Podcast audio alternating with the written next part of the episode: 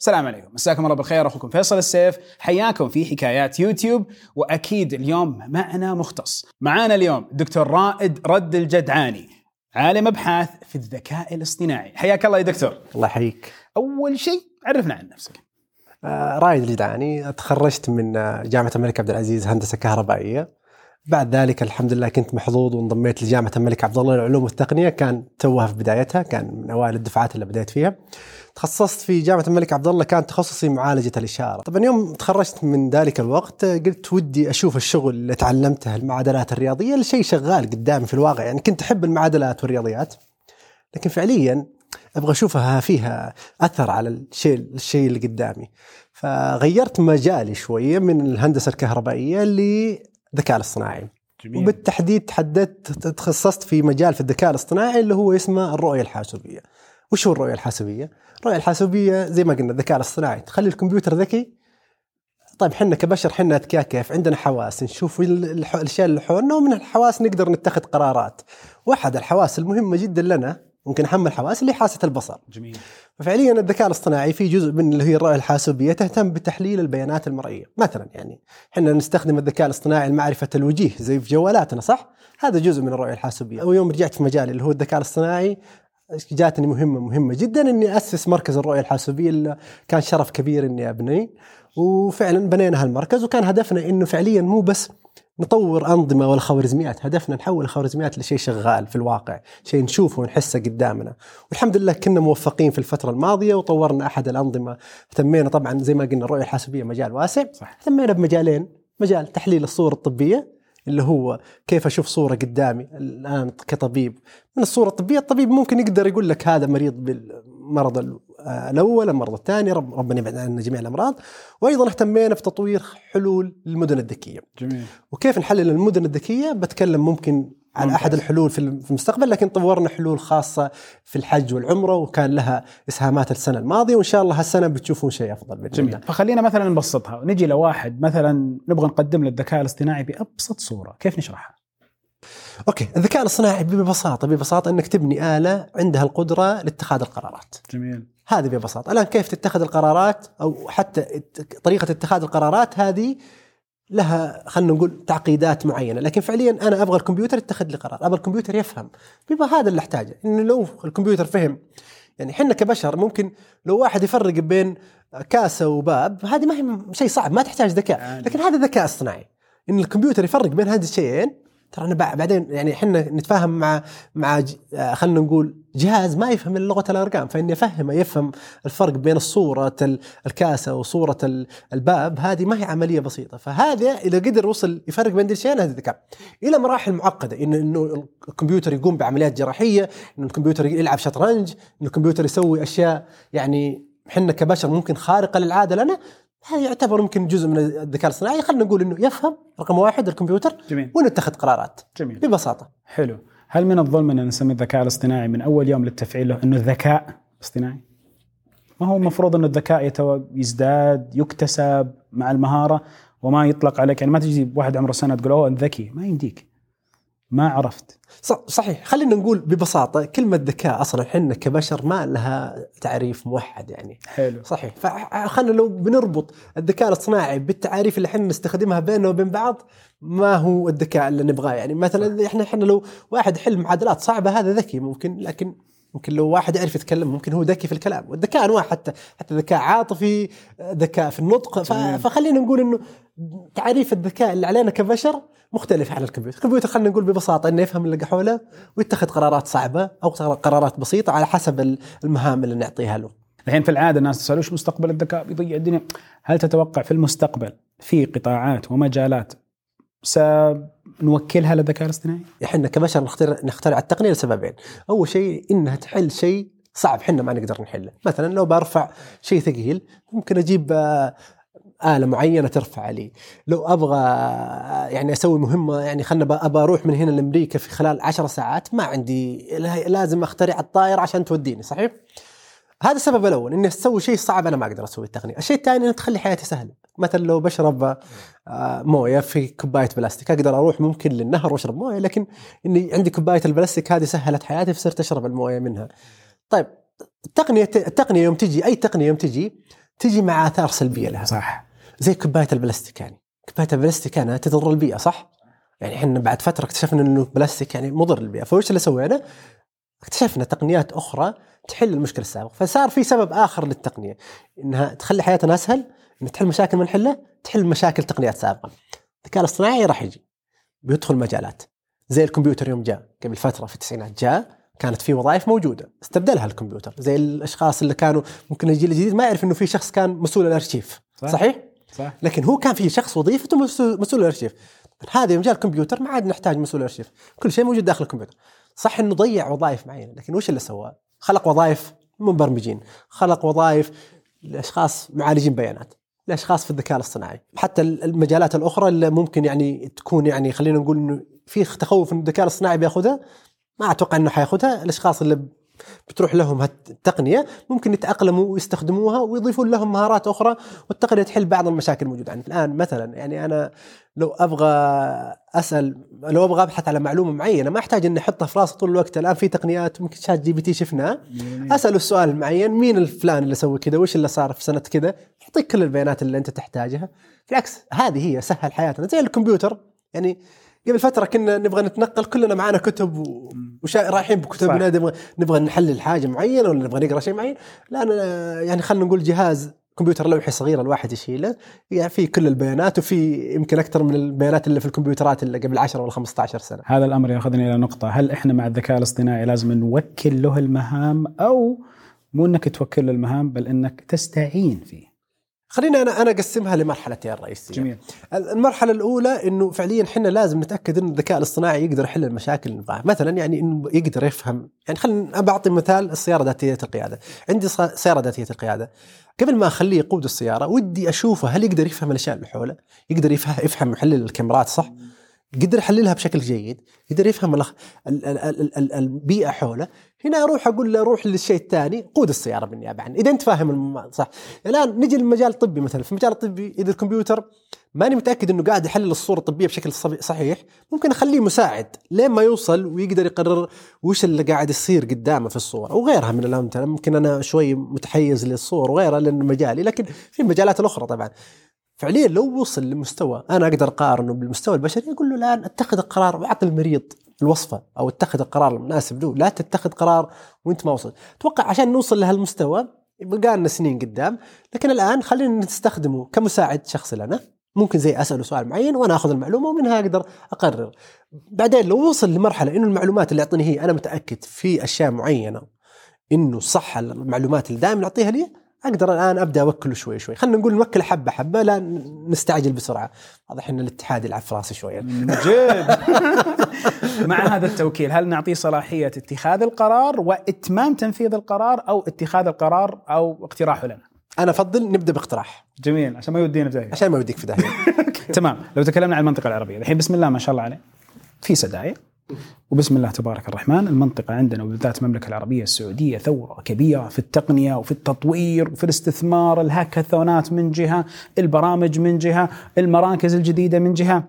هل نقدر نقود العالم في الذكاء الاصطناعي؟ شوف هو الذكاء الاصطناعي هي تقنية فيها ميزة كبيرة والعالم العربي لازم يتنبه لها بقوة قبل ما تروح من لنا الفرصة يعني. جميل. الذكاء الاصطناعي متحيز جدا للبيانات اللي يتعلم عليها.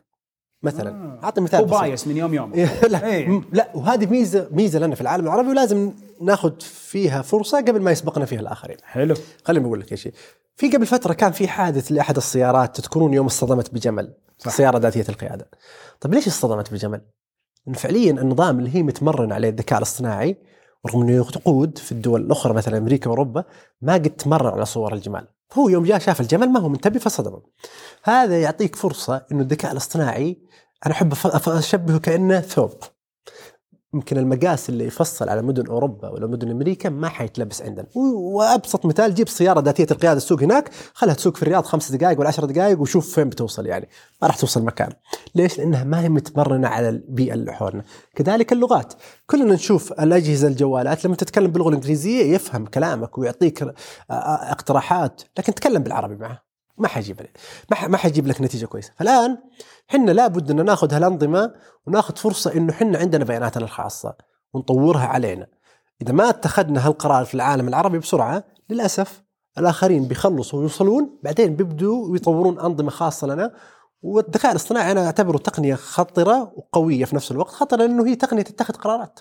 أنت ما ودك النظام اللي تستخدمه مبني عند شخص آخر يتخذ القرار- القرارات بالنيابة عنك. لابد أنت يعني أنت اللي تبدأ تبني سياراتك بنفسك تبني شوارعك بنفسك تبني خلينا نقول الأنظمة اللي حولك اللي فيها ذكاء اصطناعي بنفسك لأن هذه هي اللي في النهاية هي اللي بتاخذ قرارات هي اللي بتعلم أبنائك. على مدى التاريخ يا إنك تتأقلم معها بسرعة يا انه بيجي شخص آخر يأخذ القيادة فيها وأنت بتكون للأسف ماشي وراه.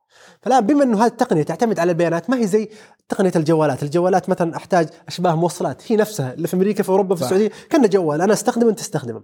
لا هذه كأنها ثياب التقنية دي، لازم نفصلها على, نفسنا وعلى ملابسنا وعلى أشكالنا.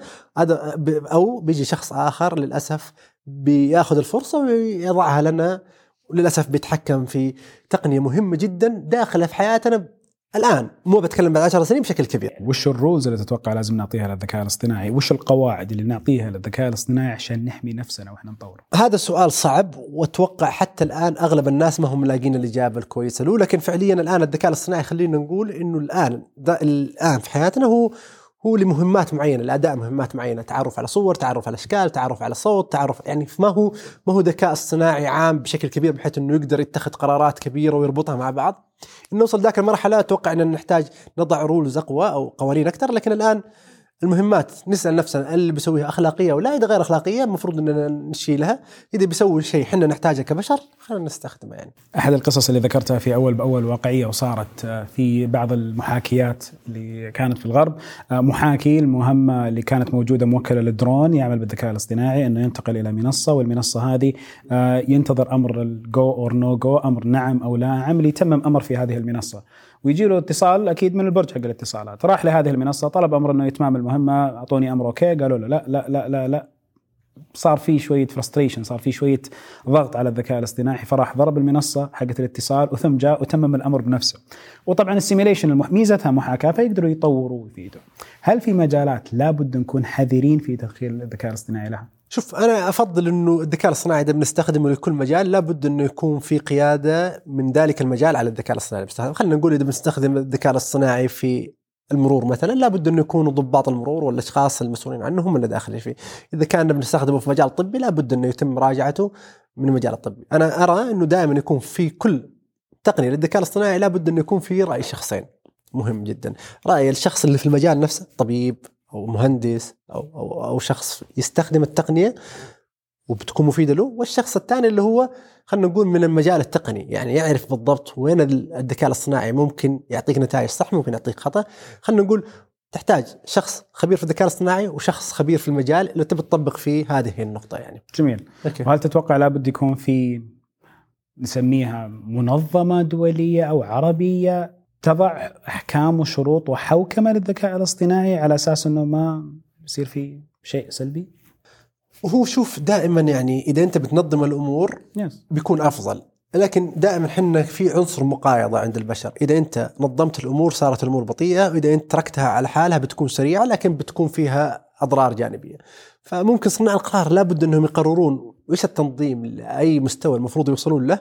لأن إذا نظمت الأمور بشكل قوي مرة التطور واستخدام هالتقنيه حيكون بطيء جدا والعكس لو تركتها على حالها كذلك حيكون التقنية هذه ممكن تستخدم في أشياء سلبية فلا بد انه يكون في حل في الوسط بحيث انه يضمن انطلاق التقنية بسرعة وفي نفس الوقت يضمن إنه التقنية ما تستخدم في المجالات الخاطئة. وش الفوائد الأساسية من دخول الدولة مبكرا في مجال الذكاء الاصطناعي زي مبادرات المملكة بأنها تدخل فيه من البداية؟ شوف زي ما قلنا الذكاء الاصطناعي قلنا هو تقنية مهمة جدا لأنه مو تقنية عادية هي تقنية تتخذ قرارات. فحنا لابد إن ندخل بصناعة أو يعني خلينا نقول سحب هذه التقنية ويكون لها منشأ داخلي هنا عندنا. هذا رقم واحد. اثنين وهي مهم جدا إنه هالتقنيه حتى الآن تعتمد على بياناتك اللي بتستفيد منها.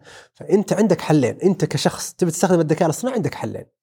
الأول إنك تبني ال- ال- الأساسيات ل خلينا نقول جذب هذه التقنية وتبنيها. أو إنك تعطي بياناتك للآخرين اللي عندهم التقنية حتى يعطوك هذه التقنية بشكل جيد. الخيار الأول جيد. طبعا إحنا في النهاية حنتخذ قرارنا بنفسنا لكنه حيكون مكلف ومتعب وبياخذ وقت.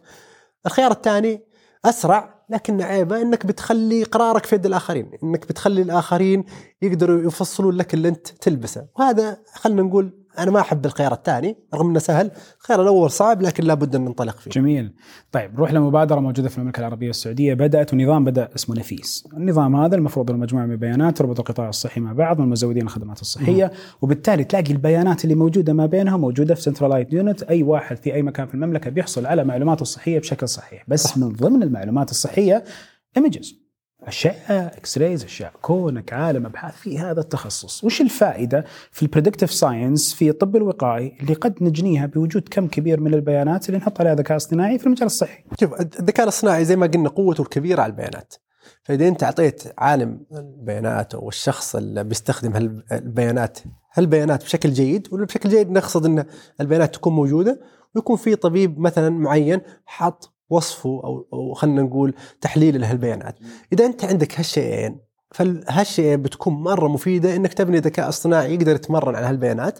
في النهاية إذا البيانات خلينا نقول جيدة بشكل جيد كافي نقدر نخلي الذكاء الاصطناعي يقدر يساعدنا في إعطاء آراء أو شيء يبدأ باعطاء توصيات للأطباء. بعد ذلك ممكن إذا شفنا التوصيات كلها صحيحة نروح للمرحلة اللي بعدها يتخذ القرارات اللي بتكون في النهاية. يعني في النهاية إحنا نعرف أحد المشاكل اللي نواجهها في المجال الصحي وغيره إنه عدد الأشخاص العاملين في هالمجال قليل جدا بعدد الأشخاص اللي يجون فتلاقي في بعض الناس الانتظار حقهم أسبوع أو أسبوعين وحتى في بعض الدول شهر شهرين أو ثلاثة. انت إذا عندك التقنية في ثانية أو جزء من الثانية تعطيك القرار وتوصف العلاج هذا بيكون شيء شيء مرة خلينا نقول حياتنا أفضل وأسهل يعني بدل الانتظار الطويل اللي بالشهور قد يطول أكثر من كذا يعني. وقد نفس الذكاء الاصطناعي يلاقي الأنماط المتشابهة ومن ال trigger الأنماط ال patterns اللي قاعدة تنعاد هذه يقدر يعرف إنه استباقيا قد يحدث هذا الشيء. التنقيب عن البيانات أحد المجالات اللي في الذكاء الاصطناعي، يعني عندي بيانات ضخمة، طب كيف أقدر آخذ هالبيانات وأحللها وأطلع منها أشياء ممكن أنا ما أدري عنها، فهذا أحد الأشياء اللي ممكن تستفيد منها بالإضافة إنك تمرن الأنظمة على إنها تقوم بمهماتنا المعتادة كبشر يعني. لو دحين مرة استهوتني مثال أنت ذكرته إنه ثوب مو ثوب أنا لما يجينا شيء من الغرب موجود هنا، طيب إذا جاء شيء من المنطقة العربية للمنطقة العربية، هل يعتبر ثوب مشابه قريب؟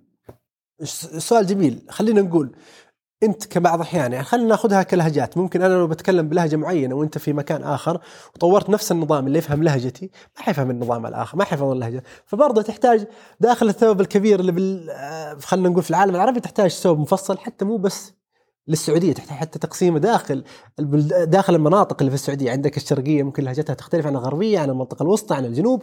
فانت تحتاج تنمي تبني آه، خلينا نقول نماذج لكل هذه المناطق. في النهاية مو بس خلينا نقول اللهجات حتى الأشكال حتى شوارع مثلا شوارع مثلا الرياض تختلف عن شوارع الطائف الجبلية تختلف عن الشوارع جانب الساحل في في الشرقية أو جدة. فهذه الأشياء تفرق مرة كبيرة على الذكاء الاصطناعي. وفي في تجربة مرة كانت حلوة صارت في مدينة بيتسبرغ نظام التعرف على الوجيه من مسافة بعيدة. فكان النظام كل يوم يشتغل بشكل جيد ويتعرف على الوجيه يمكن من 300 متر في ذلك الوقت 2015 أو 2016 تعتبر مسافه بعيدة. إلا في يوم ال demo day ما اشتغل. فقالوا غريبة ليش يوم ال demo day ما اشتغل؟ طلع إنه الجو مشمس في ذلك الوقت ومدينة بيتسبرق الجو دائما فيها مغيم شوية. ففعليا الذكاء الاصطناعي مرة حساس للتفاصيل الصغيرة فما بالك باختلاف في الشوارع باختلاف في اللهجات باختلاف في الأنماط. فهذه هذه لابد إنك تنمي تبني نماذج ذكاء اصطناعي خاصة لكل حالة وبعدين تبني واحد يقدر يفرق بينهم كلهم أو يقدر يكون عام بشكل كبير بحيث انه يقدر يحلل هذه الأشياء. وهل نتائج البحث والتطوير في الذكاء الاصطناعي يعتبر أيضا ثروة عند الدولة أن عندها كم كبير من التقنية في مجال أو علم في مجال البيانات والذكاء الاصطناعي؟ صح زي ما قلت إن إحنا كالسعودية تونا بادين في هالمجال ودنا ننطلق بسرعة وفعلا مجال الأبحاث هو أحد المجالات المهمة جدا في الذكاء الاصطناعي اللي لو ركزنا عليه بيعطينا قوة كبيرة اللي نقدر نستفيد منها في الأشياء الأخرى في تطوير المنتجات وغيرها. كونك ما شاء الله في سدايه خلينا كمان أسألك عن الشباب المهتمين ودهم يدخلوا هالمجال بس بالضبط يبي لهم توجيه بيعرفوا وش يبحثوا بالضبط ياخذ computer science ولا ياخذ data analysis وش بالضبط ياخذ من المجالات واللي أنتم تشوفوها هي المستقبل في الذكاء الاصطناعي. طيب الذكاء الاصطناعي برضو كعلم مبني على مجموعة علوم أساسية. جميل. وش العلوم الأساسية اللي مبني عليها الذكاء الاصطناعي؟ مبني على الرياضيات والإحصاء والبرمجة. فنصيحتي إذا الواحد ناوي يدخل ويفهم الذكاء الاصطناعي لازم يقوي نفسه في الرياضيات لأن هي خلينا نقول هي الأساس الذكاء الاصطناعي مع الإحصاء. يعني الذكاء الاصطناعي لو نظرت للرياضيات والإحصاء هي أساسا. ولغات البرمجة أتوقع الآن صارت الوصول لها سهل. ممكن يبدأ الواحد من لغة البرمجة اللي هي بايثون خاصة إنه أغلب الأبحاث الجديدة والمنتجات الجديدة مبنية على هاللغة البايثون. وبعد ذلك ممكن الواحد يتطور ويدخل في الأشياء المتقدمة. لكن هذه الأشياء الثلاثة هي مهمة جدا إن الواحد يركز عليها حتى يتعلم كيف الذكاء الاصطناعي يكون شغال. جميل. ودحين لما أتكلم على الكثير من ال datathons ال hackathons اللي تسويها السدايا بسم الله تبارك الرحمن يكون دائما في بنات في شباب وكلهم يسعوا في هذا المجال. فالمجال مفتوح للكل. صحيح. وهو هذا مجال مفتوح للكل. يعني اللي وده يدخل في هالمجال أتوقع إنه سواء من الأشخاص اللي ودهم يطورون الخوارزميات وحتى من الأشخاص اللي ودهم يستفيدون منها. يعني يعني ممكن يكون مهندس أو أو محامي أو طبيب. هذول الأشخاص في نوع في وقت ما حيضطرون يستخدمون الذكاء الاصطناعي. هي تقنية زيها زي الكمبيوتر حنستخدمها بشكل يومي. فالأفضل إنك تفهمها حتى تقدر تستخدمها. إذا أنت ما انت فاهم الشيء اللي قدامك استخدامك حيكون له محدود في النهاية. كونك في ما شاء الله في المركز الجديد اللي هو مدير مركز الرؤية الحاسوبية في سدايا أهمية الاعتماد على الرؤية الحاسوبية في تحليل البيانات. وين؟ يعني خلينا نقول إنه الرؤية الحاسوبية هي أحد مجالات الذكاء الاصطناعي وفعليا يعني إحنا كبشر نتخذ قرارات كثيرة في حياتنا اليومية مبنيا على اللي نشوفه. فعليا إحنا نحاول نقر خلينا نقول ننقل الأشياء اللي شغالين فيها للكمبيوتر بحيث إنه يقدر يتخذ القرارات زي القرارات اللي إحنا نقوم فيها بشكل يومي. يعني مثلا أنا في يوم بصحى الصباح بروح لسيارتي. طبعا هذه الطريقة أنا قاعد أستخدم الحمد لله حاسة البصر وأوصل للسيارة وأسوق السيارة بشكل تحليل الأشياء اللي حولي بالبصر كذلك. فالآن كذلك نبغى الذكاء الاصطناعي يسوي الأشياء مثلا يقود السيارة بتحليل الكاميرات يروح مثلا الطبيب المكتب الطبيب بيشوف الأشعة قدامه بيحلل من المريض الأول من المريض الثاني بناء على اللي يشوفه قدامه. كذلك حتى رجل الامن في الميدان رجل المرور بيقول للسيارات روح يمين يسار على حسب اللي قاعد يشوفه قدامه. كذلك حتى يوم استخدمنا أحد الأشياء اللي فخور فيها في الحرم المكي إنه نبغى نعد الأشخاص اللي داخلين الحرم. أنا كيف أعد الأشخاص اللي داخلين الحرم؟ قولوا دخلوا خمسة أشخاص. فرجال الأمن قلنا لهم بدل ما تعدونهم خلوا جهودكم لحماية رجال حماية زوار بيت الله. إحنا نعد لكم كم واحد داخل وكم واحد خارج. وبهذا الشكل وفرنا جهود رجال الأمن وعدينا كم واحد داخل على حاسة خلينا نقول على تحليل الصور اللي هي تقريبا إحنا كبشر نقوم باستخدام حاسة البصر بتحليلها. فإذا نقدر نقول أنه كمان مع الذكاء الاصطناعي توكيل المهام الروتينية واللي تحتاج نوعا ما مشقة إلى الآلة والبقاء بالوظائف اللي تحتاج مشاعر وحس بشري وأيضا عواطف وبالتأكيد حدس إنها تكون عند البشر. خلينا نقول إنه أنا ما أقول خلي الأول عند الثاني هذا أنا أفضل نقول حنا والذكاء نستخدم الذكاء الاصطناعي لمساعدتنا في الأشياء اللي نبغاها يعني. ممكن الأشياء حتى اللي أنا أبغى أسوي فيها تحليل أجيب الذكاء الاصطناعي أسأل سؤال يجاوبني كم عدد الأشخاص اللي دخلوا وأنا أقوم أقدر أتخذ قرار أو أقول اتخذ لي قرار وشوف القرار المناسب وأقول لا هذا القرار ما عاجبني بتخذ هالقرار. ممكن إحنا كبشر عندنا قوة والذكاء الاصطناعي عندنا قوة. وترى في تجربة حتى صارت قبل فترة إنه جابوا أخصائيين الأشعة لتحليل مرض معين وجابوا نسبة معينة وجابوا الذكاء الاصطناعي وأعطى نسبة معينة في أتوقع في الدقة وجابوا نظام آخر إنه جمجوا الاثنين مع بعض. يعني خلوا الذكاء الاصطناعي والبشر مع بعض طلع هذا أعلى نسبة دقة بين النظامين البشري لحاله والآلة لحاله الاثنين مع بعض اعطوا نتائج أفضل يعني. جميل. أي واحد من اللي قاعد يتفرجوا علينا أكيد معه جوال ونوعا ما هذا الجوال كل ما كتب كلمة يطلع له كلمة مقترحة. فبالتالي كل واحد جواله تعلم على أنماط كتابته بأنه يقترح الكلمات بحسب جو هذا الشخص اللي قاعد.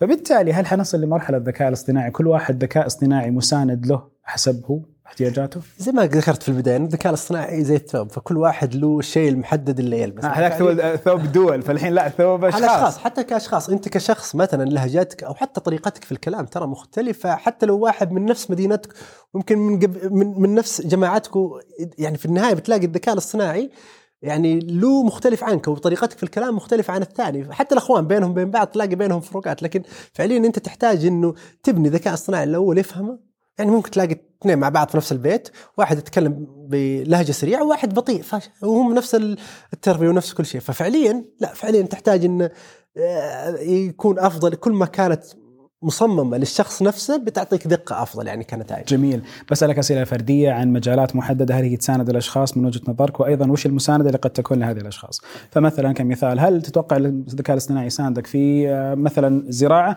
نعم أتوقع يمكن كذا كذا كذا. جميل. okay. هل طيب. تتوقع الذكاء الاصطناعي يقدر يساند في التعليم؟ صحيح. ال- الذكاء الاصطناعي الآن في توقع كبير إنه يدخل في التعليم بشكل كبير. يعني زي ما ذكرنا إنه آه، صاحب أكاديمية خان في في الحديث حقه كان يتكلم إنه ChatGPT والتقنيات الأخرى حتكون هي معلم أبنائنا في المستقبل يعني. وذكر مثال بسيط إنه فعليا لقوا تجربة إنه لو في مدرس يدرس 100 طالب حيكون اداؤه أقل من مدرس يدرس 10 طلاب لأنه العشرة طلاب بيكون المدرس مركز عليهم بشكل كبير بيكون ادائهم أقل من مدرس يدرس طالب واحد. هذه في دراسات معينة. ففعليا المدرس اللي يكون عنده طالب واحد يعرف بالضبط وش نقاط الضعف لا هذه المفروض أشرحها هذه ما أشرحها. والذكاء الاصطناعي بيكون كذلك هذا الطالب الطالب الأول بشرح له أشياء معينة ممكن ضعيف في الرياضيات لكن قوي في في التاريخ فما راح أركز على التاريخ كثير بركز على الرياضيات. الآخر لا التاريخ عنده يحتاج شوية مراجعة في الرياضيات ما يحتاج أراجعها له فبيكون هو المدرس الخاص لأبنائنا مثلا. هل الذكاء الاصطناعي قد يساعدنا في مجال الاعتماد عليه لإتمام وظائفنا اللي تجيب لنا الدخل. فعليا أنا حاليا أستخدمه بشكل كبير في وظائفنا الخاصة، مثلا أنا كعالم بيانات ذكاء اصطناعي ممكن أقول له ساعدني في كتابة الكود الناقصه حقي هنا ولا ساعدني في فهم هذا الشيء اللي هناك ولا أعطيني ورقة علمية أبغى أقراها الآن، ففي بعض أنظمة التوصية أستخدمها بشكل كبير. ففي حياتي أنا اليومية أتكلم فيها، وأغلب الناس ممكن في حياتهم اليومية يستفيدون منها. أتوقع كلنا نكتب إيميلات ب ChatGPT فأمورنا طيبة يعني. بنرد على مدراءنا ب ChatGPT. واللي ما استفاد للحين إيش يسوي؟ لازم يعرف إنه هالتقنية موجودة. فحرام تضيع عليك تقنية موجودة ما تستخدمها يعني. الآن يعني ممكن قبل فترة كانت خلينا نقول الكمبيوترات موجودة وفي أشخاص كان عندهم مقاومة من استخدام الكمبيوترات كانوا يفضلون العمل التقليدي في التسعينات. هذا اللي يفعل عملهم تأخروا عن الآخرين. وقد شفناها يعني قبل 20 30 سنة. الآن في تقنية جديدة جاية فما لا, لا تعيد نفس الأخطاء وتتوقع نتائج مختلفة يعني. وظيفتك رهيبة يا دكتور ما شاء الله يخليك. بالعكس نسوي سويتش لا أنا تمام. أقول وظيفة هيبة. دكتور رائد رد الجدعان عالم أبحاث الذكاء الاصطناعي أسعدتني في حلقة اليوم. بالعكس. شكرا لك. وشكرا لكم المتابعة. والذكاء الاصطناعي هو موجود ليبقى معنا إذا تطورنا معه وطورناه حنكون إن شاء الله جزء من المستقبل التقني بإذن واحد. أحد في نهاية كل حلقة. سبحانك اللهم وبحمدك أشهد أن لا إله إلا أنت أستغفرك وأتوب إليك. أشوفكم على خير بإذن الله ويعطيهم العافية. حكايات يوتيوب.